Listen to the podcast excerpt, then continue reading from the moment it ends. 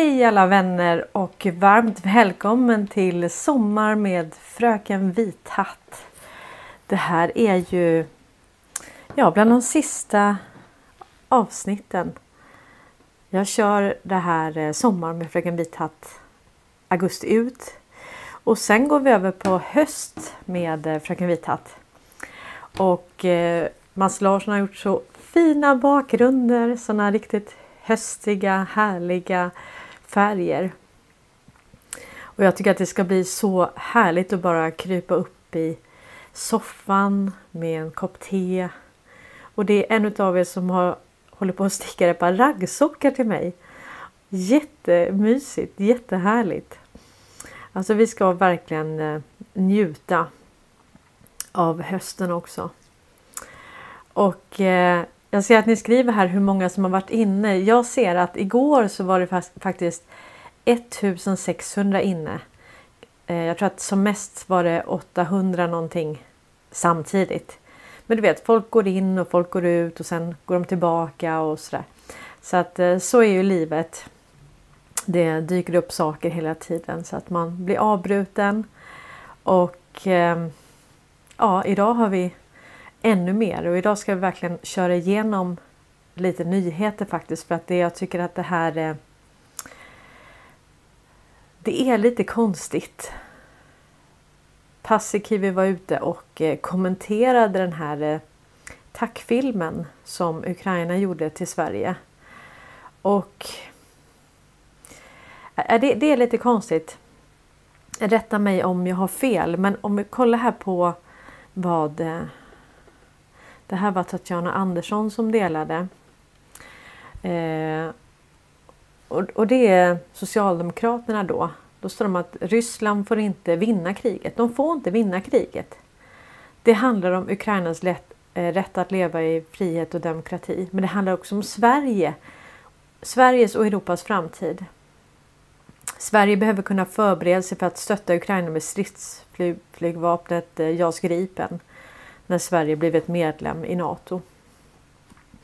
Det här är, det är konstigt alltså. Om vi tittar här på hur mycket bistånd som de egentligen har fått då, så är det ju då Det här är uppdaterat för några dagar sedan tror jag. Tyckte jag såg det fem dagar sedan. Eh, och då har man alltså bidragit med 25 miljarder eh, till olika insatser för att stötta Ukraina. Det här är... Jag vet inte riktigt vad det här är. Och sen har vi då så försöker de göra så här. Det här handlar ju om opinionsbildning och har ju ingenting med sanningen att göra. Det här är från SVT. Och då står det alltså att um, den sven det svenska folket är nästintill eniga när det gäller vapenleveranser till Ukraina. Hela 93 procent av de svarande svenskarna, ja precis, svarande svenskarna, det kanske var två som svarade, vad vet vi, tre kanske, stödjer EUs vapenleveranser till Ukraina. Så 93 procent av svenskarna tycker att det här är jättebra. Att vi skickar 25 miljarder plus vapen till... Eh... Alltså innan har det ju varit sån eh, eh, hög bekännelse att vi är neutrala och sånt. Och det var någonting innan i alla fall som jag tyckte att svenskarna tyckte var bra, värderade högt. Nu är det liksom krigslusta här. Det är det som gäller. Ja, ja, ja, då är det det. Så att eh, vi ska höra här vad Paasikivi kommenterar den här filmen. Och eh, kom ihåg nu att titta efter 911 i eh, den här och ehm, symboliken som de har gett i den här filmen. Nu får jag väl en strike igen för att jag spelar ABBA, men det gör ingenting. vi kör på, vi kör på.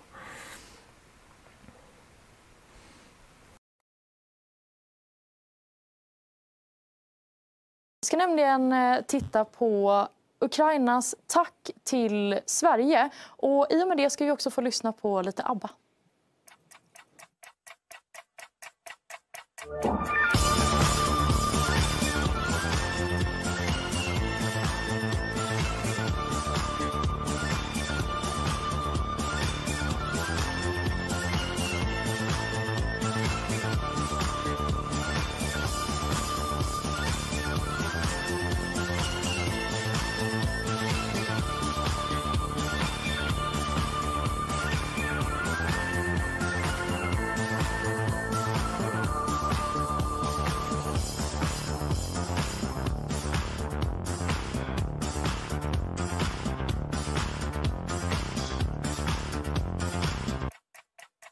Joakim Paasikivi, är det ett välförtjänt tack vi får? Ja, det är det. Vi har bidragit mycket och fortsätter att bidra mycket, både militärt, humanitärt och, och med det kommande uppbyggnadsarbetet där vi har förbundit oss att hjälpa till till 2027 åtminstone. Eh, och sen pågår det en ständig diskussion. Det är ju en debatt nu politiskt om Gripen och att den debatten sker. Det, ja, vi har ju gett en massa grejer för att komma fram till så att säga, eh, det mest kvalificerade vi har. Så vi står oss bra, även om, om Ukraina behöver mer. Och, och, sen så blir det ju en avvägning där vi alltid väger egen vad är risken för oss och, och vad är nyttan med att ja, vi slipper slåss med ryssen därför att ukrainarna försvarar sig och oss. Eh, så den pågår. Eh, sen får jag säga att den här typen av videos eh, under gårdagen, nationaldagen, så har Ukraina gett ut en, en rad sådana där man tackar nästan alla nationer och får säga att, att vår har åtminstone avsevärt bättre musik än den tyska. ja, vi ska inte känna oss så speciella då, utan det är många länder som har stöttat ja, oss. Men vi är uppe i topp. Men när det gäller just JAS, kommer vi ge det till Ukraina? Ja, det är en politisk fråga och, och, vi får väl se. Det hänger ju väldigt mycket, som jag uppfattar det, på NATO-inträdet. Eh, för så länge som vi inte är med så står vi ju ensamma på ett annat sätt. Eh, och det ryska flygvapnet, ja det finns fortfarande kvar för att det har man inte lyckats skjuta ner för de vågar inte flyga där. Eh, så att, ja, där är också, ja, men då blir hot, motåtgärder, det, det som är kvar är risk får man bedöma. Är vi beredda att ta den risken? Ja, eh, kanske inte nu, men kanske sen.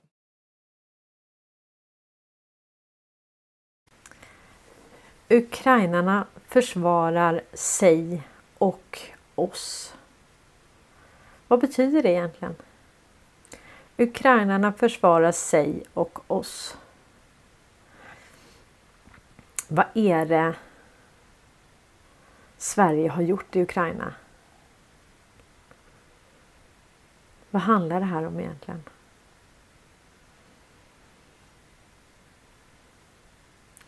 Vad säger eh, Putin om det här egentligen? alltså... Ja, hur ska vi säga? Putin åker ner till Ukraina i en kirurgisk militär operation för att bli av med biovapen, alltså biolabb, biovapen, kärnvapen har vi fått reda på att de har. Barnfabriker, nazister, och eh, det verkar som att det här är Sveriges eh, ja, koloni. Kan man säga så? Kan det vara så? Kan det vara så att det här är Sveriges koloni?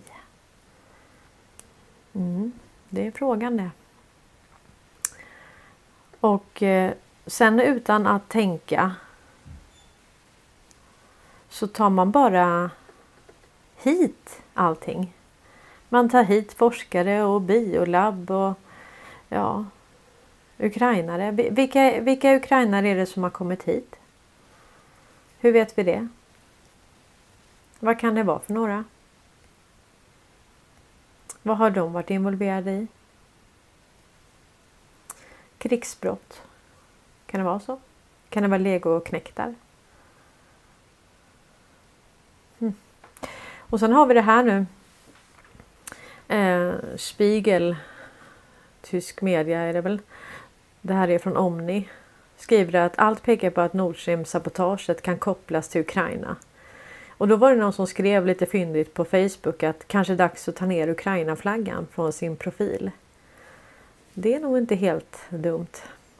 Personer som jobbar med att utreda sabotagen mot Nord Stream i Östersjön har hittat ledtrådar och bevis som är extremt politiskt känsliga, skriver tyska Der Spiegel och CDF i en lång undersökande artikel.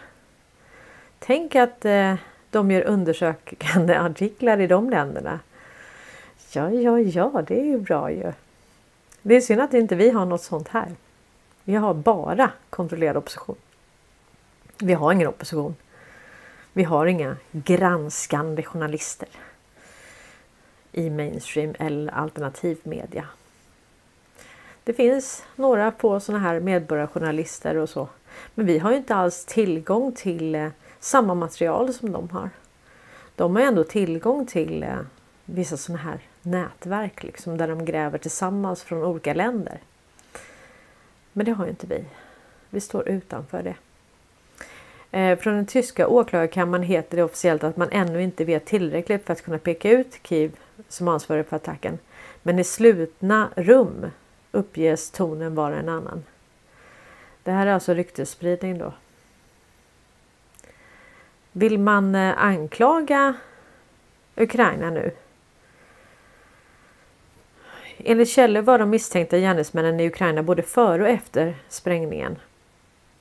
Enligt källor var de misstänkta gärningsmännen i Ukraina både före och efter sprängningen. Ja, det kan ju varit svenskar då också. Vi har väl gamle svensk by där. Det finns även teknisk bevisning som pekar på, mot Ukraina. Dessutom pekas en ukrainsk man ut som den som hyrde jakten Andromeda som tros ha använts för att genomföra sabotaget. Ukrainas president Volodymyr Zelensky har konsekvent avfärdat alla anklagelser om att Ukraina skulle ligga bakom dådet. Ja, jag tror inte heller att det är Ukraina. Jag tror inte det. Men det kommer ju visa sig. Om ni tror det i alla fall. Eller om ni... Det är det här också va? Att vi har mainstream media och alternativmedia som tycker att bara för att de delar information så... Ja, som de kan sprida hur som helst liksom. Och jag kan hålla med om till viss del att vi har svårt att veta i det här läget vad som är desinformation. Så det är, ibland är det viktigt att all information kommer fram. Vi lägger ut alla pusselbitar på bordet och sen får tiden utvisa. Så att i och för sig så är det bra att de låter det här komma till tals, men det känns ju som att det här ändå. Om det om man lägger ut det här för att ta bort alla misstankar mot Sverige. Då är det en annan sak. Och det vet vi inte om det är anledningen. Eller Sveriges roll i det här, om vi ens har någon roll. Det vet vi inte. Så att om de har lagt, lagt ut det här för att all information ska ut i ljuset, ja men då är det bra. Lägger de ut det här för att ingen ska misstänka Sverige, det här går inte riktigt ihop heller för att man vill ju gärna få opinionsbildningen för Ukraina. Så man kan skicka alla, tvätta alla pengar genom det. Ja, det är spännande hörni. Det är ett informationskrig. Och eh, jag tänkte så här. Det var ju väldigt intressant. Jag ska prata lite innan jag visar det. När jag lyssnade på ehm, Tagge Karlsson. Jag spelade ju upp lite klipp från honom där. Och eh, i början av talet, jag tänkte jag ska spela upp början. För att det som är intressant är att han eh, ber om ursäkt för USA och, och USAs vägnar. Det är intressant. Och jag ser väldigt många kommentarer så här att ja, men, eh, det är inte vårt fel och eh, man kan inte anklaga oss. Det är eh, ett fåtal svenskar eh, som har gjort det här. Jo, men det är självklart att det är ett fåtal svenskar. Men det är inte Tacke Karlsson heller som har gjort det här. Men någonstans är det ändå så här att vi är svenskar. Och det är ett fåtal svenskar som har betett sig på det här viset. Då kostar det väl inte så mycket för oss att faktiskt be om ursäkt. För det är inte bara ett fåtal svenskar. Det är i samråd. Det är i samarbete med den svenska staten. Nu är den svenska staten, de är såklart valda utav de här intressena. Det är lobbyister för de här företagsintressena. Och det är klart att alla de här som eh, eh ja, är politiker. Alltså titta på politikernas lön officiellt då. Och sen titta hur mycket pengar hade de innan de blev politiker och hur mycket pengar hade de efter de blev politiker. Alltså var det inte Löfven, hade inte han eller var det Göran Persson som hade 200 miljoner? Göran Persson tror jag hade 200 miljoner. Men det, det kan han väl inte tjänat som politiker? Det är inte arvodet. Och det är samma sak med Löfven och alla dem. Det är liksom det är pengar under bordet. Så är det orimligt att det har hänt, säg journalister. Kan journalister ha fått pengar under bordet? Eller liksom som en bonus för att göra vissa saker. Ja men politiker kan det ju helt uppenbarligen. De får ju kort och de får lägenheter och allting. Men om vi tittar bara på deras lön. Vi tittar på Göran Perssons lön. Så tänker man ja men det är en bra lön men det är liksom inte det är inga 200 miljoner inte. Och det är väl också de här insider-tipsen de får hela tiden. Tittar vi på Pelosi de här i USA, det är ju samma sak där. De är mycket rikare efter de har varit alltså statstjänstemän, alltså in office. Den enda skillnaden är att Trump, han har ju faktiskt mindre pengar nu än när han blev president. Och han har ju donerat bort sin månadslön hela tiden. Men det är intressant det där. Alltså tänk hur de här och vilka erbjudanden de får efter också. Du vet, de får jobba för banker och internationella intressen och Maud Olofsson, hon fick väl sitta i styrelsen för Clinton Foundation. Så tittar man innan de blev politiker. Titta på deras arvoden, titta på vad de har för finansiella tillgångar innan de blir politiker och sen titta efter. Så kan jag säga att det är inte bara lön som har kommit in på det kontot. Inte. Det är inte det. Så om vi nu säger att vi har ett samarbete, vi har en konspiration mellan mainstream media, politiker och de här företagsintressena. Är det orimligt att tänka? Nej, det är det absolut inte. Och det kommer fram mer och mer och mer bevis för att det är på det här sättet. Och jag tänker så här, även om det tar emot och även om du tänker så här att ja, men det är ju inte jag. Det är ju faktiskt Wallenberg ihop med de här politikerna och media som har vilselett och, och lurat befolkningen. Ja, men vi kanske bara ska svälja den nöten och faktiskt be om ursäkt till andra länder. Jag tror att de, kan förvänt de kanske förväntar sig det faktiskt av oss. Vi kanske borde ha förstått mer. Vi kanske borde ha sagt ifrån. Vi kanske borde ha gjort någonting i alla fall. Eller? Mm. Jag tycker att jag borde ha förstått mer. Jag menar, jag har ju ändå jobbat med börsbolag och i det finansiella liksom. Jag borde verkligen ha förstått mer. Alltså jag visste ju hur mäktiga de var men jag visste inte hur mäktiga de var i andra länder. Jag fattade inte deras roll i politiken eller att politiken inte har spelat någon roll överhuvudtaget. Nej, det fattade jag inte. Men jag fattade att det var korrupt. Det gjorde jag redan när jag började för jag satt ju i BU-nämnden för Socialdemokraterna. När jag var i början av alltså 20-årsåldern. Och när de sa till mig vad jag skulle rösta på, rösta på det. Nej, då sa jag, nej men det här, jag vill ju göra skillnad på riktigt. Här kan jag inte göra skillnad. Det kan ta en ko som håller upp en sån skylt. Ja, jag tycker vi ska lyssna på Tage Karlsson och sen ska vi tänka på det han säger. Alltså hur, hur ska diplomatin egentligen fungera? Och vad har våra länder gjort sig skyldiga till? Företagsintressen, NGOs, politiker och mainstream media har alla mörkat, har alla hållit varandra om ryggen, har alla gemensamma hemligheter. Det är inte du och jag. Vi kanske ändå ska be om ursäkt. Det kostar ju så lite. Alltså vi måste ändå ha lite medkänsla för vad det här har orsakat andra länder. Och människor som är här. Vad det nu är för människor som är här. Jag menar jag tänker så här, det, det kanske är så att de har eh, Ja, de har ju såklart mutat tjänstemän och så i andra länder.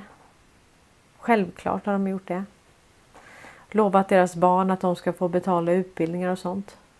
Det har väl säkerligen förekommit. Så vilka är det som är här? Är det bara helt verkligen de fattiga och behövande? Jag menar Mellanöstern, det är ju nästan bara män som har kommit hit. Män faktiskt i krigsbar ålder, alltså som skulle kunna vara legoknäktare eller i alla fall militärt tjänade.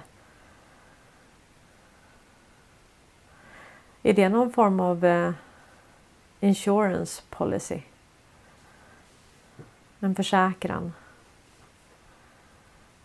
Ja, men de visste ju att det svenska försvaret är inte mycket att ha. Det är knappt en svensk som vill göra lumpen nu för tiden. Förlåt, det kanske finns de som har gjort lumpen, men jag bara menar att vi har ju inte.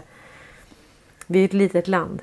Vi har ju inte kanske den moralen eller jag vet inte. Stridsmoralen. Alltså jag tänker de här ryssarna som är indrillade och som har krigat och har den erfarenheten liksom. Det var ju det som eh, amerikanerna hade innan. Men nu liksom. Det var väl ett tag sedan de krigade och hur många av de yngre bara känner för att, att utkämpa de elitens krig liksom. Va? Det är inte säkert att de vill. Så att de här som har levt, växt upp under de här förhållandena. Det kanske är mycket legoknektar vi har i det här landet. Kanske det som utgör den eh, kriminella underjorden med de här klanerna och det. Det kanske är en försäkran att de är strids, stridsdugliga. Jag vet inte. Hur tänker ni? Nu vill jag kolla hur ni tänker. Jag ska läsa kommentarer här medan ni får kolla på Tacke Karlsson. Det här tycker jag är fint av honom. Och han är, han är verkligen genuin och äkta. Jag tycker det är fint. Eh, ska vi se.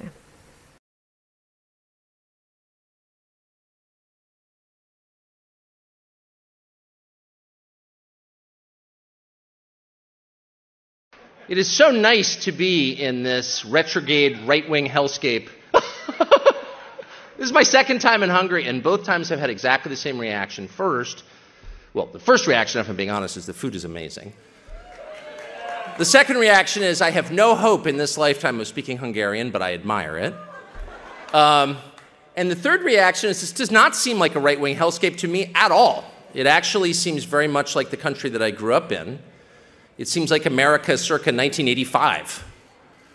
You know, where there's a big bulk of normal people who aren't that interested in politics. Then you have people on both sides who are each making their case, and there's a vigorous public discussion about that, and people disagree, but they're not on the verge of shooting each other. It's all kind of normal. That's the way it seems to me. So if this qualifies as a dangerous, rogue, right wing country, I'm thinking maybe the terms have changed a little bit since my childhood. Um, and that leads me uh, to the apology that I want to begin my remarks by giving you as an American. I'm 54, so I've, I've watched my country for a long time and I'm loyal to it. I will never leave. I don't have another passport. I love the United States. For all its flaws, as you do when you're from somewhere, it's like your own family. It's imperfect, but it's yours, and so you love it. And that's how I feel about the US. And so I'm not in the habit of apologizing for the United States. In fact, I don't think I ever have. Um, but the behavior of the American ambassador to Hungary makes me want to apologize. Um, it's disgusting and, and inexcusable. Uh, it's also so far from the norms of diplomacy in my country that it's hard for me to believe that David Pressman is actually doing what he's doing. And I say that as someone who spent his life 35 years in Washington. I'm the son of a diplomat. So I have a maybe better than average sense of what diplomacy is. Diplomacy is a pretty simple concept. It's the business of, often the art of, convincing other countries to take your side on matters that help you. And the entire premise behind diplomacy is countries are different. They're not all the same. They have different languages and histories and religions and cultures, and they're hard to understand. And that's why you hire people who can understand them, who speak the language, who are on some level sympathetic, maybe. Um, and then you send those people to the other country to try to convince that country, whether it's an ally or a potential ally or even an enemy, to take your side on an issue that helps you. That's the whole point of diplomacy. Is to convince other nations to take your side.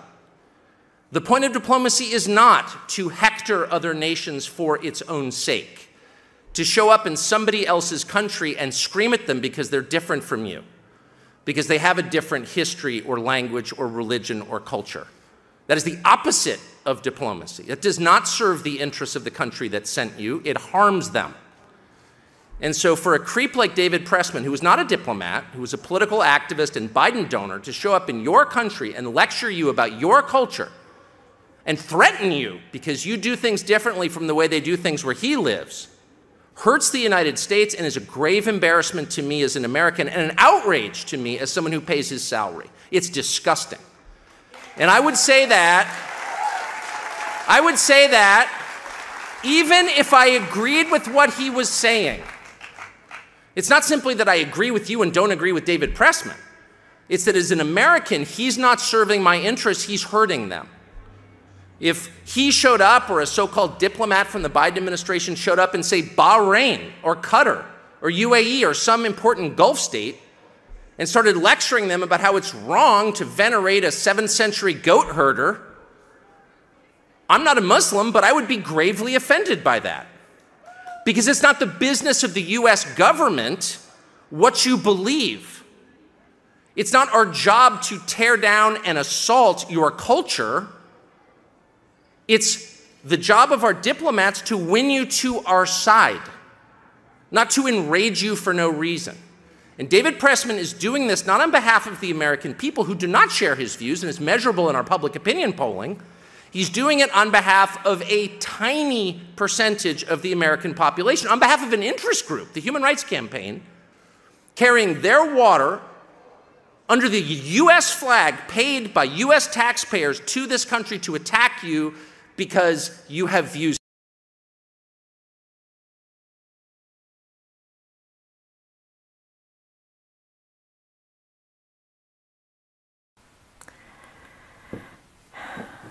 Ja. Vad är det han gör här egentligen? Har ni tänkt på det?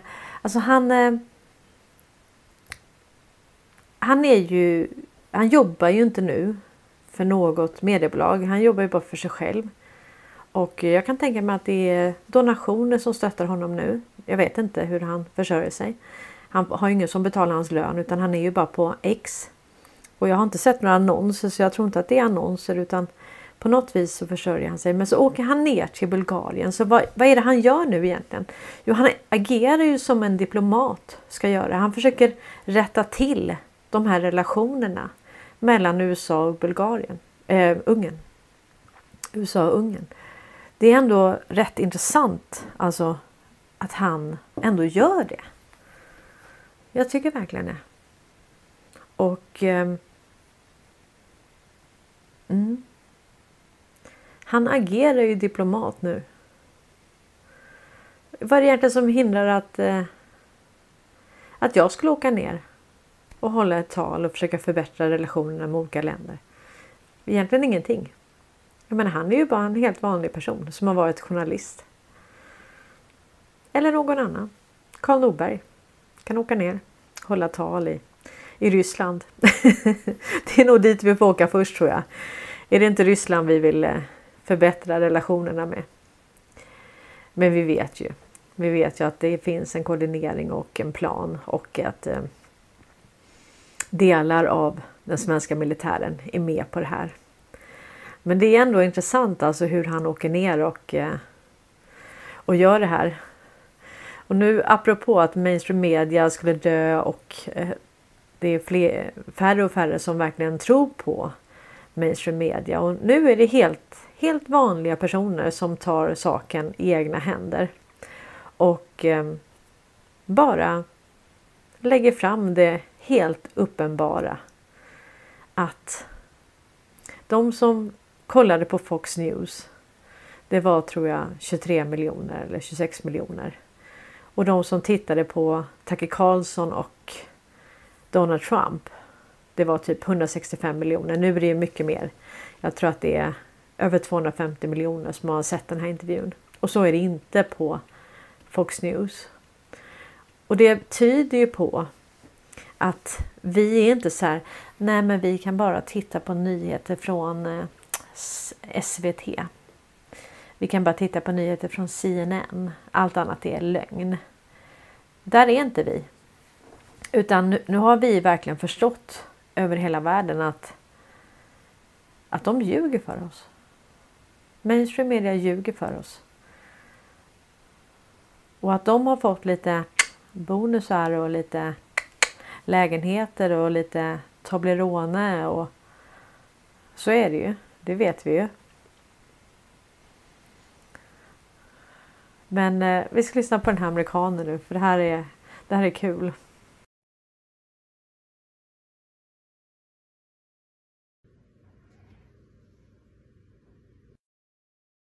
Trump won last night, and that's not a debate. 23.9 million viewers tuned into Fox, the mainstream media. While, as of this moment, 165 million people tuned in to Tucker interviewing Trump. This is the pinnacle of the fake news campaign Trump started eight years ago.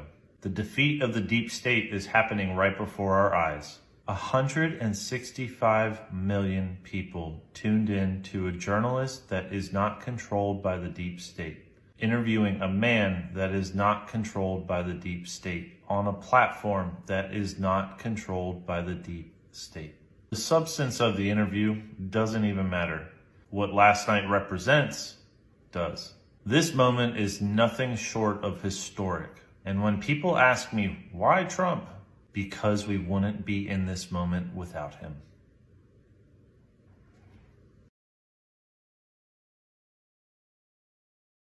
Nej, det är sant. Vi skulle inte vara här om det inte vore för, för Trump. Och eh, ja, ni skriver eh, jättebra saker. Tacker, Tackers farfar hette Oliver Karlsson och kom från Gotland. Precis, det stämmer. Och visst, han är 54 år och tjänar sina pengar, absolut. Eh, det tror jag absolut. Men samtidigt så är det så här att det är klart att om man har Alltså det kostar skjortan att bo i USA. Jag har en kompis som bodde i Boston. Jag tror att hennes lilla lägenhet om det var en tvåa eller trea eller något sånt. Den kostade 40 000 i månaden. 40 000 för bara lägenheten. Helt sjukt. Det, alltså det, det är sådana priser där. Och sen är det väldigt få i USA som jobbar heltid. De får nästan inga heltidsjobb. Det är mest eh, deltid och så. Så det är ju. Det är jättetufft här alltså. Och det var någon som eh, skrev det innan, ja men typ att el var den största summan. Jag tror faktiskt att för de flesta hushåll eh, utan att veta så tror jag att det är boendekostnaden. Och då pratar jag hyra eller avgift, lån och eh, drift. Då. El och sånt. Alltså det, det, det är den kostnaden. Ja, men hur, mycket, hur mycket lägger varje hushåll idag på att bara bo? Det är väldigt mycket om vi tänker på vi tänker på de som tjänar lite mer pengar då. Som bor i Stockholm, kanske har en lön på 40-50 000. De har säkerligen en boendekostnad på över 20 000 i alla fall. Det tror jag. Det är många av dem som har villor och så som jag vet som ligger där omkring. Och det är ju helt, helt sjuk, sjukt att det ska vara på det viset. Och det är klart att eh, när vi då ser allt det här eh, eh bistånd och vi ser de här eh, ja, oj. Eh, väninna i New York, hennes 34 kvadratmeter kostade 26 000 dusch i köket. Stina skriver bara bo är dyrt. Ja, det är svindyrt alltså. Eh. Jan-Olof, du skrev nog inte klart din kommentar. Det kanske är någon begränsning. Jag vet inte. Ja, men det här i alla fall. Eh, det här retar ju alltid någon va. Det retar mig i alla fall. Och då är det ju.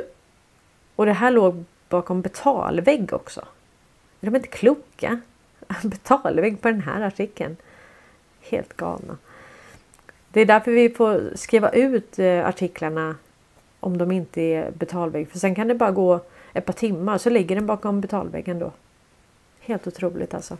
Då står det kommuntjänstemän försåg leverantörer med miljonuppdrag mellan inbjudan till golf, vin och whiskyresor runt om i Europa. Nu kan Expressen publicera unika bilder inifrån den uppmärksammade muthärvan i Göteborg som kommunen i flera år försökt mörka.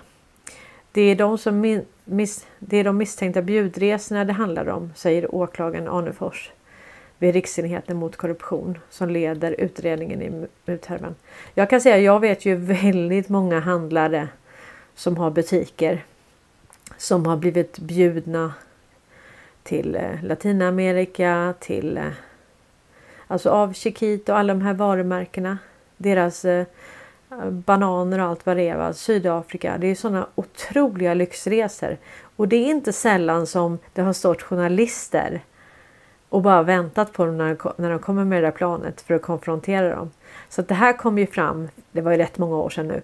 Men alltså det här är ju inte ovanligt alltså. Och jag menar, det här är ju det finansbranschen har gjort mot kunder också. Tagit med dem ner till Medelhavet, hyrt en båt som det redan är väldigt unga damer på. Och sen eh, bara män såklart. Så att det här är ju liksom inte ovanligt då. Undrar om kommunen ingår i någon tävling snart i klass med Sundsvalls kommun eller tävlar de med Wallenbergs Eriksson? Tja, vem vet? Eller så vet vi det. Det här är Hasse Hermansson skriver. Men, äh, det här är mm, Det här är riktigt, riktigt irriterande faktiskt. Det är det. Och eh, apropå kommuner. Det här är ju då lite off topic men jag tycker ändå jag har tänkt ta det här i flera dagar och det här ligger mig väldigt, väldigt varmt om hjärtat som ni vet. Eh, och det är ju då eh, Älvsbyn. Fem handläggare har stängts av för att hantera ärenden, ärenden inom barn och unga. För att på felaktiga grunder tagit tre barn från sina föräldrar. Vad de vet om, vad de vet om ja. Handläggarna förde bland annat fram saker till nämnden som inte var sanna. De noterade saker som läkare inte har sagt. Wow. Härvan uppdagades i våras efter att Lundberg efter att ha träffat de drabbade föräldrarna.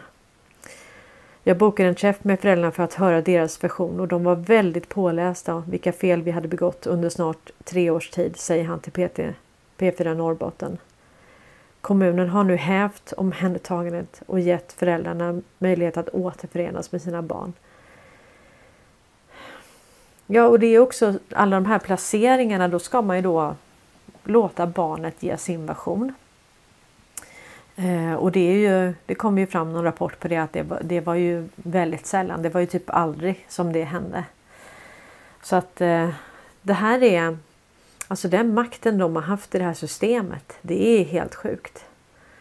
Och sen går regeringen ut och säger att det här är desinformation. Om att socialen skulle ta barn. Men va? Men det, det kommer ju fram hela tiden att det är sant ju. Det här är ju, det här är ju så ju. Om den här artikeln stämmer så, så finns det ju bevis ju. Och de har ju fått återförenas med sina föräldrar, de här barnen.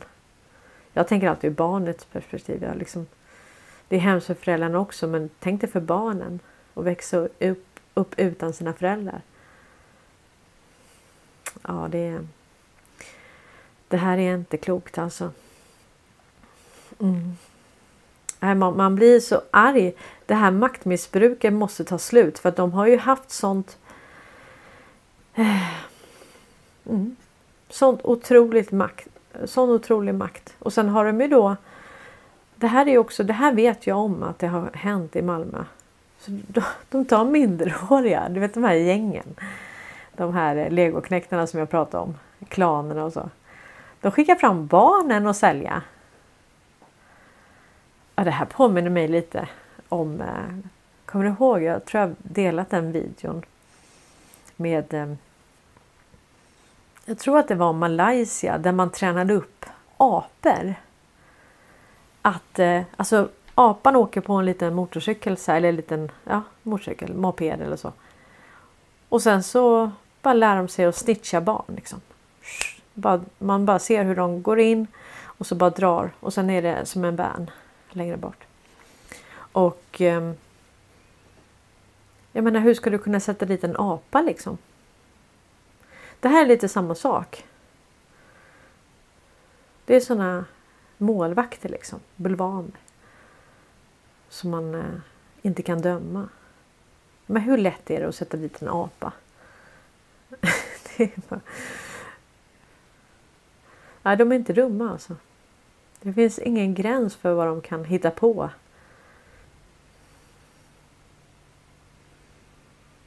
Nej, det är det. Men här ska man då kunna åka i fängelse om man har köpt narkotika av barn. S föreslår att personer som köper narkotika av barn ska få fängelsestraff. Ja. Varför skulle de inte få det? Idag finns ingen särskild straffsats för köp av narkotika av barn. Nej, det finns ingen sån straffsats alltså. Så om du köper av ett barn då så då kan du inte bli dömd. Då tycker jag barn ska sälja knark alltid ju. Det verkar ju smart.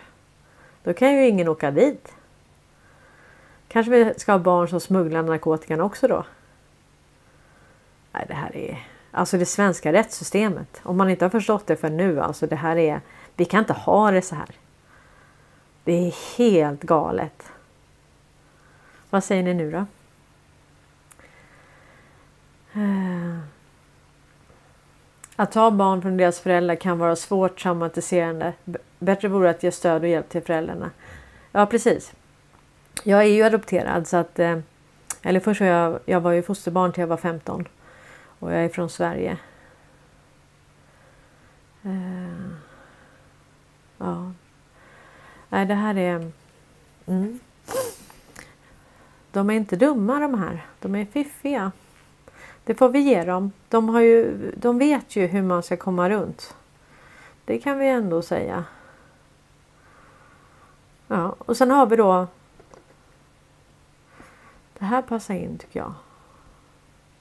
Det här är Göran Strand som har delat på. Vad händer? Ehm, på Twitter eller X. Vårt försvar är nu kontrollerat helt av Saab privatkontrollerat militärt ledningssystem. Jodå, ser du. Nu har vi en industripartner som i många avseenden ska kunna ta ett större ansvar och agera som FMVs förlängda arm. Okej, okay. ja ja. Varför kan jag inte förstora där? Vi tar uh, här. Kanske är det större här. Ja, då står det så här. Nytt miljardavtal för försvarets ledningssystem. Ett tioårigt ramavtal om ledningssystem har tecknats mellan, mellan Försvarets materialverk, FMV, och försvarskoncernen Saab. Ja, alltså det lustiga är att de pratar ju hela tiden som att telekominfrastrukturen, försvaret, eh, tillverkning av JAS och allt det här. Att det, att det låter som att det skulle vara statligt på något vis. Det är ju inte det. Det är ju inte statligt för fem öre. Avtalet är värt cirka 1,2 miljarder kronor och handlar om ett centralt systemstöd för att införa och upprätthålla de digitala taktiska ledningsstödssystemet LSS Mark i Försvarsmakten. Vi är oerhört nöjda med att ha gått i mål med denna upphandling som varit tidskrävande och komplex. Nu har vi en industripartner som i många avseenden skulle kunna ta större ansvar och agera som FMVs förlängda arm.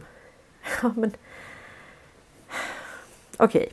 offentlig upphandling. Vi bara säger offentlig upphandling. Hur många försvarskoncerner finns det? Alltså det är ju krigskoncerner, inget annat. Men de kallar sig själva för försvarskoncerner. Okej, okay. hur många finns det då att välja på? Ja, det finns en då. Som kan leverera på alla de här delarna. Så att när de skriver en upphandling, då är det egentligen bara en som kan vinna det. Och sen kan de sätta priset hur de vill för de har ingen konkurrens. Och så går våra pengar bara till det. Jag vill inte finansiera en krigskoncern. Det vill jag inte. Det här är inte intressant för mig. Överhuvudtaget. Jag blir så provocerad alltså. Jag menar de här tjänar ju på krig. De vill ju inte ha fred. Vad ska de med fred till? Då kan de ju inte sälja. Då kan de inte tjäna några pengar ju. Va? Vad säger ni? Hur mår ni? jag kommer inte läsa upp den där Big Mac. Han skriver så här. Kanske behövs lite mer jihad i svenska armén. Ja du, man får ha lite humor också. Det vill vi inte ha. Jan-Olof Johansson skriver Saab, en kriminell, en viss kriminell familj. Ja, jag har ju hört talas om dem någon gång. Ja du. Pia Holmberg skriver de vidriga grabbarna i Exit är nog rena änglarna jämfört med Wallenberg och gänget. Ja, det är nog inte omöjligt. Thomas Åberg skriver jag trodde narkotika var förbjudet oavsett vem som sålde det. Ja, men det trodde jag också. Är inte det? Ja, som eh, O'Brien säger att det handlar om det svenska rättssystemet. Ja, Brian var ju här och det var ju han. Eh, ja, nu hade jag det på tungan igen. Asap Rocky. Asap Rocky hette han. Och eh, då var ju han här och så sa han det att eh, det handlar om det svenska rättssystemet. Det var det han ville titta på när han kom hit. Och sen har vi Trump som säger att Nej men vadå? Att politiken inte lägger sig i rättssystemet. Ni har väl abolition? Ni kan väl bara sätta abolition på ASAP Rocky? Så får man ju inte inleda en förundersökning. Klappat och klart. Alltså där hade ju Trump redan svaret ju. Och så försökte de påskina som att de inte hade någon makt över det svenska rättssystemet. Aj, aj, aj, aj, aj.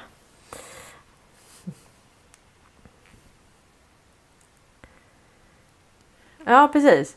Thomas Åberg skrev, men om du, om du inte är med och stödjer krigsmakten så blir du av med barn och hem. Skatten ska ju in. Ja, men det är självklart ju. Ifrågasätter du så gör de orosanmälan och blir du av med alltihop. Stänger de ditt bankkonto. Det har de ju kunnat gjort hela tiden.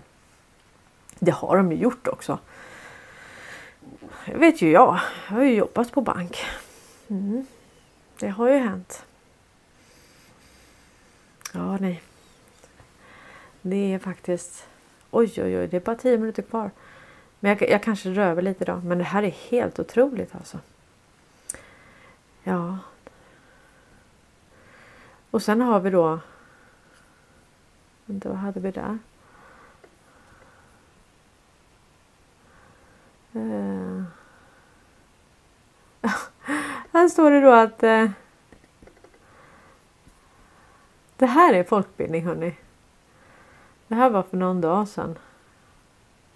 Ni vet, jag har ju legat efter. Jag har bara pratat istället för att dela nyheter. Men här är då på Omni eh, opinion. Svenska hushåll litar för mycket på staten. Lördagens ledarsidor berör vitt skilda frågor. I SvD skriver Mattias Svensson att den senaste valrörelsen var en orgie i krav på kompensation till hushållen.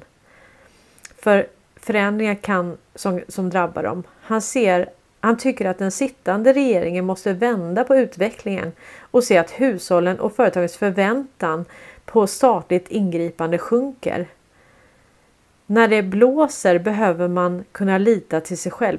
Alltså det här är det vi pratade om igår. Alltså det här slukhålet Sverige. Okej, okay. vi ska bara pumpa in så. Och sen som han säger här, vi ska inte vi ska inte kunna förvänta oss någonting tillbaka. Det kommer ingenting tillbaka. Utan det är bara ett slukhål. Och sen bestämmer de så här. 27 miljarder till Ukraina. Så här mycket bistånd dit. Jag menar, vad är det de jobbar med då? De, var det inte Afghanistan där de skulle lära dem offentlig upphandling? Va? MSB härjar i Afghanistan för att lära dem massa saker som de inte ens kan i sitt eget land. Det är helt galet ju. Eh, Jesper Alin Marceta fokuserade sin ledartext i DN på hur Ungerns president Viktor Orbán har infört krav om att böcker om homosexualitet förses med skyddsomslag i butikerna. Ja, man får ju sälja det i alla fall men det är i alla fall en varning vad det är för propaganda. Skribenten menar att det är ett tilltag som får det att framstå att det finns någonting i böckerna som kunderna kan smittas av. Ja, det. I Aftonbladet skriver Susanna Kiergaard om nästa års presidentval i USA. Hon anser att Donald Trump som åtalas i flera olika fall inte borde tillåtas att ställa upp i valet. Men eliten håller varandra om ryggen konstaterar hon. Jo men alltså grejen är så här. Om vi säger då Trump då. Vi säger att han skulle bli president. Då kan han benåda sig själv.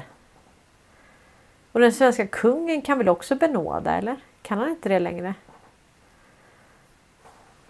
Så att eh, vi har ju redan konstaterat det. Att presidenten har immunitet, full immunitet, även om han begår brott som president. Svenska kungen har full immunitet även om han begår brott. Kungen har ingen makt men han kan lägga saker under ovillkorlig tystnadsplikt och han kan benåda. Ja men då har han väl viss makt va? Och han sitter som ordförande i utrikesnämnden som är de som tar över om utifall att man bedömer att det ska vara en krigsdelega krigsdelegation som styr Sverige. Ja men då har han ju viss makt då ju. Knuggen. Eller? Men det har vi inte fått reda på. Nej. Och det är samma sak här. Så att eh, vi ska inte lita för mycket på staten och vi ska absolut inte förvänta oss någonting i gengäld utan vi ska bara ösa in pengar till slukhålet Sverige. Och sen ska vi bo i förfulad miljö. Överallt. Kan vi förvänta oss rent vatten? Ja, men inte utan att betala 25% moms för kranvatten. 25% moms. Vad ger ni för det då? Helt galet alltså. Och jag menar, elpriset styrs på en elbörs. Och kan manipuleras hur mycket som helst. Och de har åkt dit för att manipulera priset. Hur många klarar sig utan el och vatten? Inte så många. Vi behöver en förändring. Kan vi vara överens om det? Eller ska vi ha det så här? Vad tycker vi? Ska vi ha det så här? Ska vi ha det så här? Oh. Jag tycker inte att vi ska ha det så här. Jag tycker att det här är helt, helt, helt galet.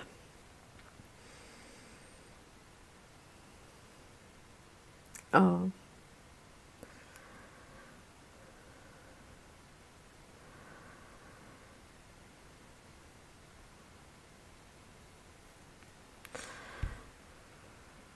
Gunilla Backlund skriver, hur länge ska vi vara i detta vakuum? Eh, kommer det bli någon förändring eller kommer vi sitta här om ett, två år och säga samma saker? Alltså Gunilla. Du har helt rätt. Men jag tänker så här. Vi har inte, det har inte varit så länge som vi har suttit och upplyst om de här sakerna och som vi har varit så här medvetna och att vi har varit på gränsen till att nej, nu får det vara nog alltså. Och det är precis som att det kommer upp saker i en takt som vi ändå kan smälta och bearbeta.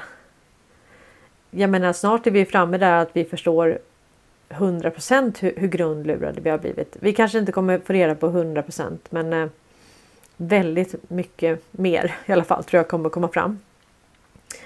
Och eh, det här finansiella systemet som vi har, det är ju skuldmättat. Det liksom finns inte eh, me någon mekanisk möjlighet att det här systemet kan fortleva. Utan det går liksom på övertid och det har det gjort bra länge. Och eh, Alltså det är ju likviditetsbrist hos hushållen, hos företagen och hos länder. Mm. Och sen har vi då BRICS som kommer upp. Och ehm, eh, de, de ser så här glada ut. De tycker det här är jättekul. Och det här handlar ju om att frigöra sig. Men det första steget innan man kan frigöra sig det, det är att förstå vad man har varit utsatt för. Och tittar vi hur, hur man har jobbat sig upp, om man säger så då. Eh, så kan man ju säga att eh, 95 så stod G7-länderna för 44,9 procent och BRICS 16,9. 2023, det är inte slut än, men prognosen är väl att BRICS-länderna kommer stå för 32,1 procent och G7-länderna för 29,9 procent. Och det är klart att i det här eh, G7-länderna så är det ju fler och fler som, som förflyttar sig till den här kolumnen som säger så här, det här är ett sjunkande skepp. Jag vill hellre vara med här. Jag vill vara med i BRICS istället. Ja, och då, då blir det ju så. Så då blir det att de här kommer gå om ännu mer och eh, prognosen är ju att de som vill gå med nu, som vi har hört redan är godkända, de står ju för 77% av jordens BNP. Så att, ja, det rullar lite lutar. Men jag vet inte om det var din tanke också Gunilla, men jag tänker så här att det är klart att vi vill att det här ska gå mycket snabbare. Jag trodde, här, jag trodde vi skulle vara i land för länge sedan. Alltså, att det verkligen kommer ett event och att folk verkligen förstår vad det här är. Men samtidigt så är det så här att jag hade ingen aning om hur stor lögnen var och hur stort det här bedrägeriet var. Det, det hade jag inte. Det är inte i närheten faktiskt. Och eh, nu känner jag ibland att nej, nu går det för fort för mig också. Alltså det blir... Eh... Och vi ska ju kunna förmedla det här sen och kunna åka ut i omvärlden, hålla tal och kunna be om ursäkt och Sveriges vägnar. tycker jag vi ska göra. Det vore stort. Stort av oss. Fint. På sin plats kanske. Minsta vi kan göra. Mm. Så tänker jag. Så att eh, nej, jag tror inte det här kommer pågå i evighet utan jag tror att vi är på upphällningen. Det tror jag verkligen. Och om man tittar på hur allting kommer fram nu så är det ju. Ja, det är väldigt, väldigt mycket som kommer fram nu. Och eh, vi blir vassare, vi blir bättre också på att eh,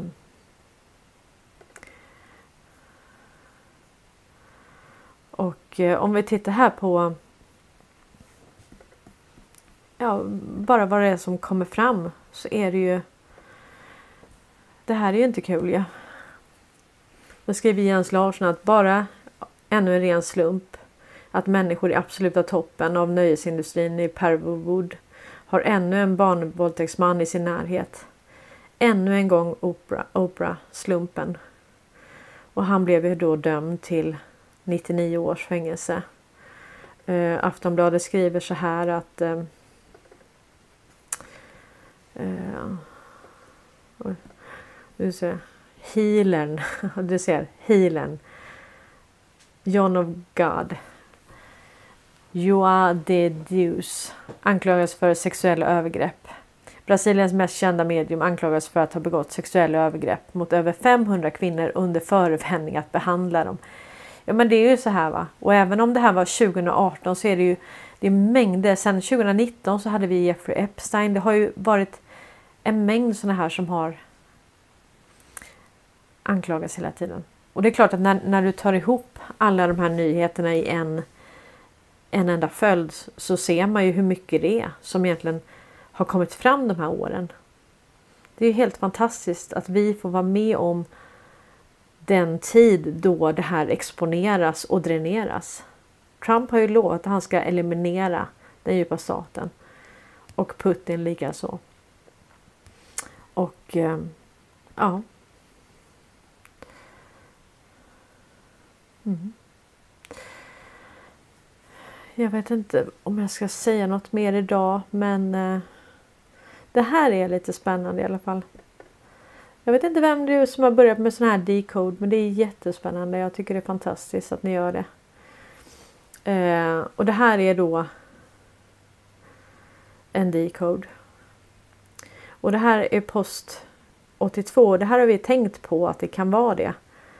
Då står det ju Let's start with Alice and Wonderland. Eh, det här är från den 5 november 2017 så det här var i början. Things need to be solved to understand what it, it's about to happen. Let's start with Alice and Wonderland. Hillary Clinton in Wonderland by Lewis Carroll. Saudi Arabia, The Bloody Wonderland, Q. Och vi har ju då Alice, Knut och Alice Wallenbergs stiftelse. Och här ser vi då varför de är så arga på Putin då. Han har ju sagt rent ut att de, de här ledarna i väst, de, de dyrkar Satan. Det här är post 133 och det är också 12 november 2017, alltså väldigt i början. Då står det Many governments of the world feed the eye. Ja.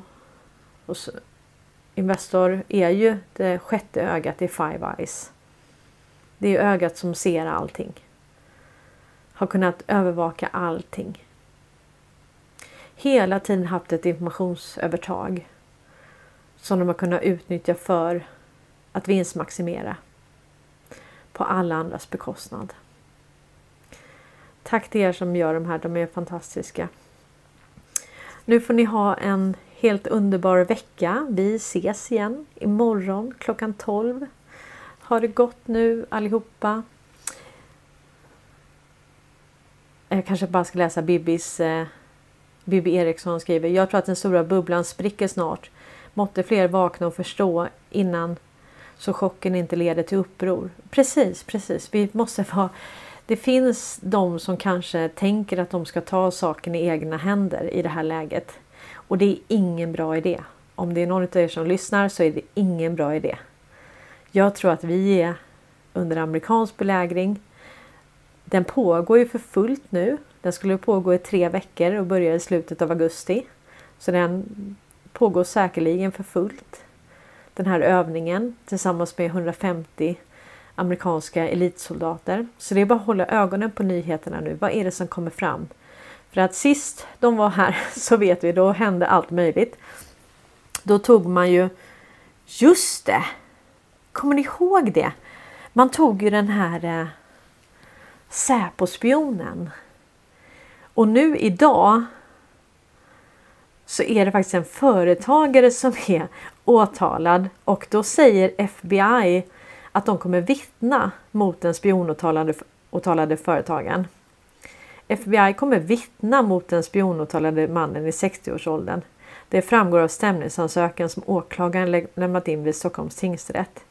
Han misstänks ha försett ryska underrättelsetjänsten GRU med uppgifter som kunnat skada men både för eh, Sverige och USAs säkerhet eh, orsaka men för både Sverige och USAs säkerhet. Wow! Mannen greps i en uppmärksammad, eh, uppmärksammad helikopterräd förra året. Ja, ja, då var det inte nu då. Men det är ändå intressant. Vi får se vad som händer nu då när de är här. För saker kommer komma fram nu också. Ja, sen raidade de ju eh, Facebooks kontor i Stockholm. Och sen var det ju korruptionshärvan i Sundsvall som också kom fram precis då. Och sen har vi haft den här stora pedofilringen där man gjorde, man, man eh, arresterade ett antal personer. Det var ju tillslag i 12 länder. Så att det, eh, det har varit mycket som har hänt när vi har haft sådana här militära övningar. Så att det får vi hålla ögonen öppna för. Okej, men hörni, tack så mycket för idag och eh, Tack att ni gillar, delar, kommenterar, stöttar på olika vis. Ni är helt fantastiska. Och eh, vi ses igen imorgon. Ha det fint nu allihop!